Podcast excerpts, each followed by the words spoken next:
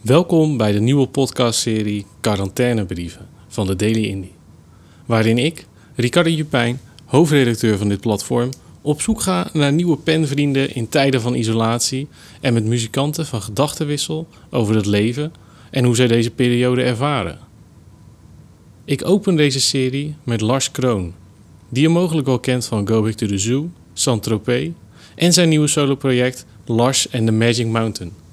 Ik schreef hem de volgende brief in afwachting van zijn reactie. Het is 10 april 2020. Lieve Lars, bedankt voor je brief en de mooie verhalen over het zeilen en de reizen met je vrouw Sanja.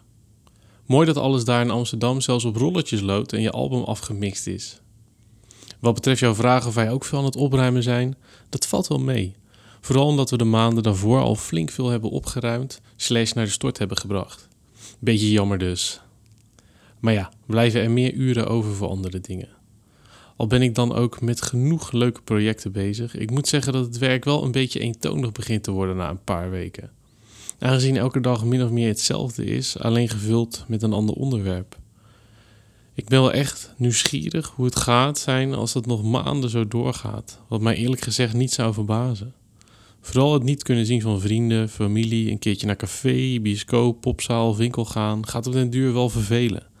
Het is wat het is, ik weet het. Maar ik hoop vooral dat alles er nog steeds is als we weer naar buiten mogen.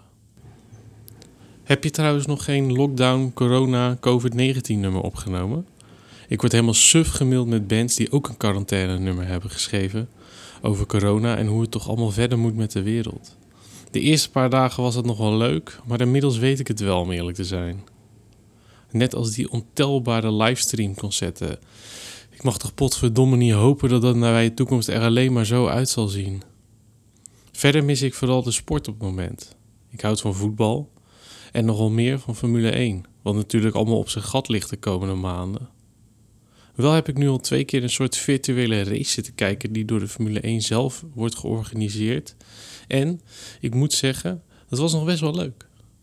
Er deden een aantal echte coureurs mee en verder oud-coureurs of andere racers die via het internet en een computerspel tegen elkaar opnemen. Je moet wat. Wat je al schrijft, we moeten zeker een keer naar het concertgebouw gaan. Dat lijkt me hartstikke leuk. Ga je daar wel vaker heen? En wat is het laatste concert dat je daar hebt gezien? Ik hoop trouwens dat deze brief wat overzichtelijker en minder chaotisch is geschreven. De vorige keer was het een soort race tegen de klok, omdat ik hem die dag nog met de post wilde laten gaan. Wat overigens wel is gelukt, al was het op het nippertje. De PostNL-medewerker die de bussen leegt, was de brief al in het laden in zijn karretje. Deze keer doe ik het wat rustiger aan. Alleen heb ik op een of andere manier minder te vertellen dan vorige keer. De wereld lijkt een beetje stil te staan. Dagen hebben nogal een datum, maar het zegt maar verder niet zoveel meer. En de weken vliegen voorbij in een nietszeggende agenda. Alsof ik in een soort aangename verdoving verkeert. Slapen, werken, eten, hangen en weer opnieuw. Ik zag de vergelijking met Groundhog Day ook al meerdere keren voorbij komen op Twitter. Hierbij trouwens nog twee vragen om mee af te sluiten. Welk talent zou je graag willen bezitten?